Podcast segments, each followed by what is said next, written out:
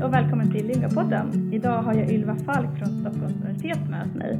Eh, jag heter Sara Forster och jag vill veta vem är du och vad har du för bakgrund? Hej och tack för att jag fick komma.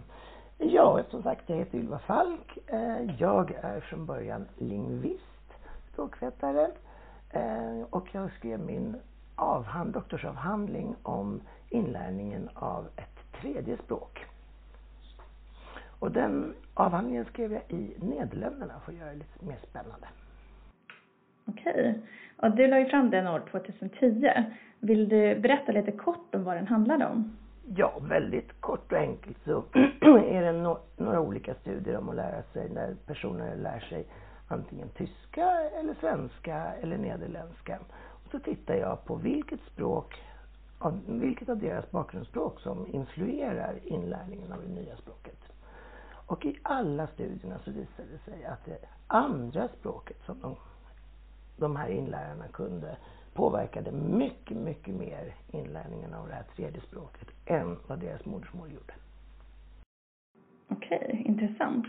Och på vilket sätt spelar det då roll? Alltså vad får det för konsekvenser då för språklärarna? Alltså språkinlärarna, eleverna?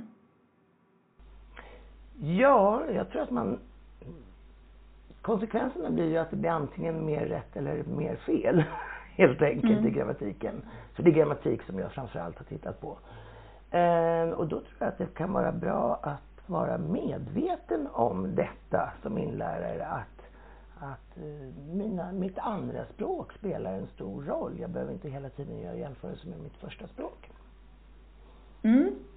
Och jag har själv läst en masterutbildning för lärare i språk och där eh, läste vi ganska mycket om fokus på form och fokus på undervisning. Och dagens läroplaner, både för gymnasiet och för grundskolan, framhåller ju en handlingsorienterad språksyn. Och finns det någon motsättning, motsättning där mellan fokus på form och fokus på mening i språkundervisningen? Vad skulle du säga? Nej. Mm.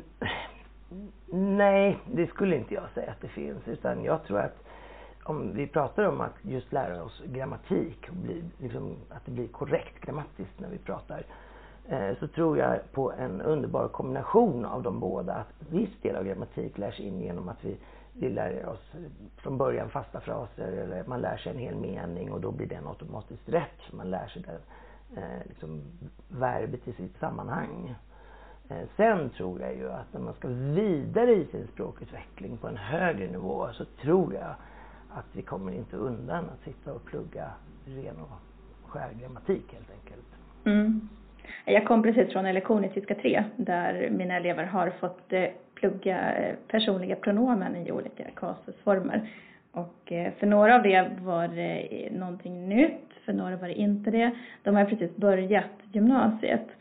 Och Eh, jag brottas lite där, hur mycket ska jag göra det liksom explicit och hur mycket ska jag göra det så att det ja, bara liksom flyter med. Jag vet inte om det finns något rätt fel eller rätt svar. Vad tänker du? Eh, jag tror inte det finns något, det finns inget rätt och fel helt enkelt. Eh, men jag tror på, som sagt, en kombination. Att å ena sidan ge de här olika pronomerna i, i olika former, konstformer, i meningar, kanske med illustrationer så att man ser eh, han ger henne en boll helt enkelt. Och så ser man då på bilden att detta händer helt enkelt. Men sen tror jag också att det kan vara nyttigt att sätta sig och, och eh, banka in dem lite sådär för sig själva. Ehm, men det blir ju sen, om man sen inte använder det i någon kontext, så tror jag inte det blir någon särskilt användbar kunskap. Ehm, jag sprang på en kollega här precis innan jag skulle träffa dig idag och eh, pratade lite om tyska och hon sa ja, jag har läst tyska. Eh, jag kan säga durchführ gegen eh, Men jag vet inte ens vad det är mm. längre. Så att bara fokus på form tror jag i, i grammatiken ger inte mycket. Nej, men där tänker jag att det är som en, alltså de här äh, ramsorna till exempel, durchführ gegen ohne um, eller som jag äh, lärt mina elever rabbla idag, ich, mich, mir, du, dich, dir jag tänker det som mer som en stödstruktur eller som stödhjul som man monterar bort så småningom men de behöver finnas där för att det ska frigöras plats i elevernas arbetsminnen så de, de ska inte behöva framkalla just vad var det det hette nu i akkusativ? De ska bara kunna plocka fram ich, mich, mir, just ja. Akkusativformen är mich. Så, så tänker jag i min undervisning. Ja, det tror jag du tänker helt rätt. Och jag tror mycket väl att de kan använda det som stödhjul, framförallt i skrift. Mm. Det blir väldigt jobbigt att plocka fram det stödhjulet i någon form av naturlig konversation. Mm. Det, det tycker jag också att jag märker i undervisningen. Vi har ju elever som vill göra allting korrekt och där sitter de nästan och lägger kroppen för sig själva för att de tänker efter för mycket innan de pratar. Mm. Så att de försöker återkalla det fast inte riktigt mm. når det. Mm. Ja. Um, och du pratade om grammatik och syntax framförallt, det är väl det som du har undersökt. Hur tänker du att man som lärare bör arbeta för att arbeta med, eller för att lära elever om syntax? Ja du, om jag visste det så skulle jag fått Nobelpris. Eh, nej men jag tycker lite med att vad väl forskningen de senaste tio åren framför allt har tryckt mycket på är ju att se eh, flerspråkighet som en resurs helt enkelt. Och att man då kanske i, i klassrummet när du undervisar i tyska så kan det vara en poäng med att ibland jämföra med hur det heter på engelska. För där har, i och med att det är ett, engelskan är också ett liksom, senare inlärt språk för eleverna, så har de ju på något sätt någon form av grammatisk kunskap om det. För det fick de när de studerade det i skolan. Eh, och då är man mycket mer medveten om eh, att det, det liksom hur hur ett verb placeras som man kanske inte alls är medveten om på sitt modersmål.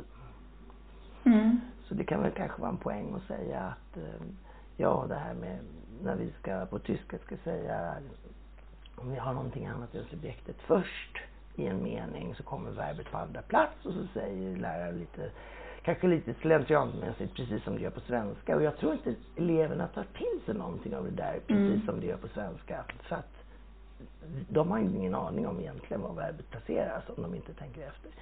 Men däremot kan man göra då en kontrast med engelskan och säga det är alltså inte som på engelska. Mm. För det där upplever jag också som en utmaning när man ska prata om någon, någon grammatisk struktur där det inte finns den motsvarigheten på svenska. Mm. Det blir så svårt för eleverna att greppa vad det är för någonting. Mm. Jag brukar i tyska dra till med gamla rester från ja, vi har dativformer och genitivformer. Vi går till fots, man åker till havs. Eh, mm. Jag ser honom, eller jag ser na från gamla hana, jag som är lite språknörd, gammal akkusativform. Ja. Men det är inte alltid eleverna går igång på det. Men jag tycker det är så svårt att undervisa om det som inte riktigt finns liksom i svenskan. Precis. Det är det ju. Och, och då kan man ju liksom börja laborera med, finns det i något annat språk? Som mm. någon här kan eller något. För det ju, finns ju säkert eh, elever med annat språk, modersmål än svenska också. Mm. Och där måste jag säga att där har jag inte så stora kunskaper för jag, jag kan svenska, tyska, mm. engelska. Sen har jag inte så mycket mer kunskaper om det men vi har säkert elever som har andra referensramar. Ja, och som säkert skulle tycka att det var jättekul att få förklara att mm. det finns något liknande i mitt språk. Mm. Mm. Ja, för det är ju kul med grammatik, eller hur? Det är fantastiskt kul med grammatik. Framförallt tänker jag att det är ju, grammatik är ju strukturer för att kommunicera och det är ju kommunicera vi vill kunna göra med våra elever. Precis. Mm. Um, om man vill nörda in sig lite mer i grammatik och undervisning, har du något tips att ge för oss lärare? Oh, nej. Liksom, vadå, boktips eller? Till exempel? Alltså, jag skulle... Det finns så mycket bra grammat, grammatiska böcker och jag menar om man är intresserad av lite mer abstrakt gen, grammatik, lite generativ, så har vi ju Christer Platzaks bok som heter Den fantastiska grammatiken. Eh, om man kan lite, lite franska så finns det på ur.se ett helt underbart program som är fem, sju minuter långa avsnitt om grammatiska fenomen på franska förklarade okay. på ett jättekul sätt. Okej. Okay. Men vänder de sig till elever då eller till ja, lärare? till elever. Okej, okay. aha. Och det är något som borde göras även på tyska tycker jag. Ja, för det vet jag. Det mm. finns den här, nu ska vi inte göra reklam för Utbildningsradion, men Utbildningsradion har ju Snack till exempel, ja. där de pratar om vissa strukturer, men där anser jag att det inte, jag, för mig som lärare blir det inte, inte alltid lika tydligt som om jag skulle förklara det själv. Mm. Eh, men jag har inte gjort analys av dem. Jag, och jag brukar låta min elev titta på dem ändå, för det är mm. alltid bra att få höra saker förklara från flera olika röster. Mm. Verkligen. Men att göra liksom ett grammatikprogram kul är ju, vore ju fantastiskt. Mm. mm. Tycker jag. Nej, jag tänker om vi tittar tillbaka på våra, våra styrdokument, ämnesplanerna och betygskriterierna så finns det ju inte riktigt någon skrivning om grammatik. Det står ju typ grammatiska strukturer eller så, vilket gör att jag tror undervisningen ser ganska olika ut i olika klassrum hos olika lärare. Och vissa elever får nog kanske traggla ganska mycket, vissa får kanske inte alls göra det. Och hur tänker du på, på det? Alltså spontant skulle jag vilja säga att vad jag tror, jag gjorde någon studie för något tag sedan när jag intervjuade tillsammans med Kristina Lindqvist, jag intervjuade lite tysklärare och några fransklärare. Och av dem, jag vet inte huruvida de är representativa för, hur, för lärarna idag, men det var fortfarande väldigt mycket fokus på grammatiska strukturer och traggla grammatik eh, på ett helt annat sätt än vad jag förstår engelsklärarna håller på med. Um, att det var mycket mer målspråk bara och nu, nu böjer vi de här verben i listor och det, det är ju sånt som jag inte tror förekommer på engelskundervisningen. Sen kanske man inte behöver sitta och mm. böja verben på engelska lika mycket som man behöver på, på tyska men eh, mm. jag tror att eh, återigen att, att lära sig böja verben genom att få en hel mening eh, ger mycket mer än sitta och rabbla dem. Mm. Sen vid ett senare mm. tillfälle kan vi, som vi sa tidigare, behöva rabbla dem för att man ska kunna få den här totala eh, kunskapen. Mm. Ja, jag ser det också som en liten utmaning för att vi behöver ju strukturen på något sätt för att liksom bygga upp språket. Mm. Eh, och vi behöver ju dem för att hänga upp språket på något sätt.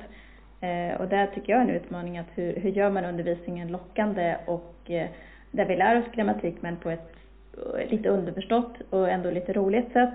Mm. Eh, men också där vi gör andra saker såklart. Men grammatiken kommer inte ifrån för den är ju någon slags skelett för språket. Ja, och, och i ett stadsspråk som tyska är det ju absolut skelett för språket. Det, det kan ju bli så tokigt om, om det blir mm. fel grammatik. Va? Så, att, mm.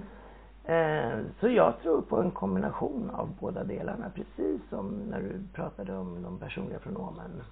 Att mm. å ena sidan in i, i meningar, enkla meningar, kanske med illustrationer, men sen komplettera med den här tråkiga listan också. Mm. Och, det, och dessutom ska vi komma ihåg att äh, våra elever, äh, de är ju inte en form av språkinlärningsmaskin, utan alla är ju olika. Mm.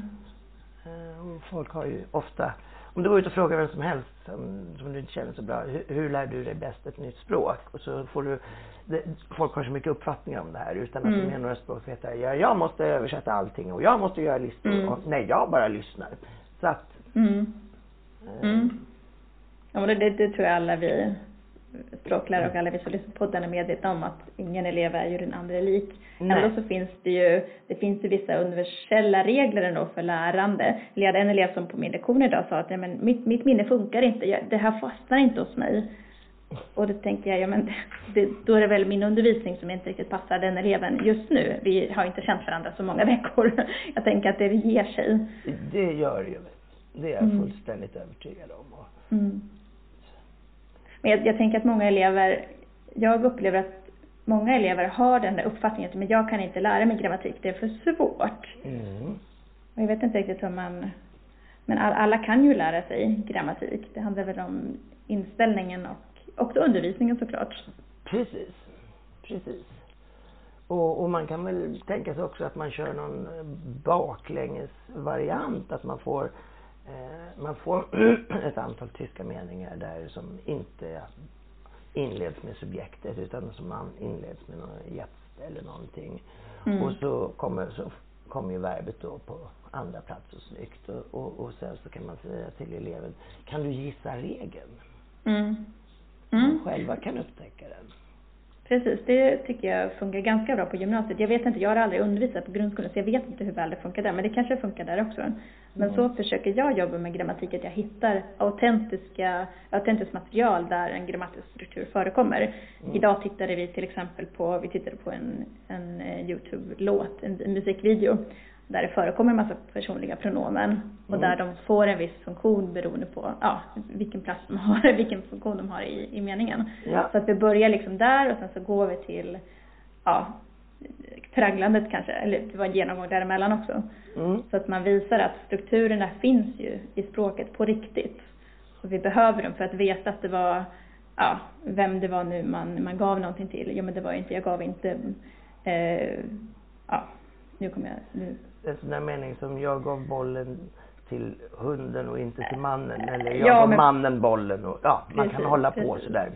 Precis, att man får rätt, rätt pronomen på rätt plats. Och där Mhm. behöver man grammatiken för att veta vem det är som ja, äts eller inte äts upp till exempel. Precis. Och så kan man ha exempel Mm. där det är väldigt tydligt att om vi tar istället för bollen med mannen och hunden Mm. så har vi hundbenet. Så det är Mm. rätt självklart vem som får det. Mm. Mm. Eh, vi har pratat om ganska många olika saker och eh, kanske inte så jättedjupgående om, om allt. Men finns det någonting, eller någon, något tips eller någonting jag kan, som språklärare kan ta med mig in i mitt klassrum redan imorgon?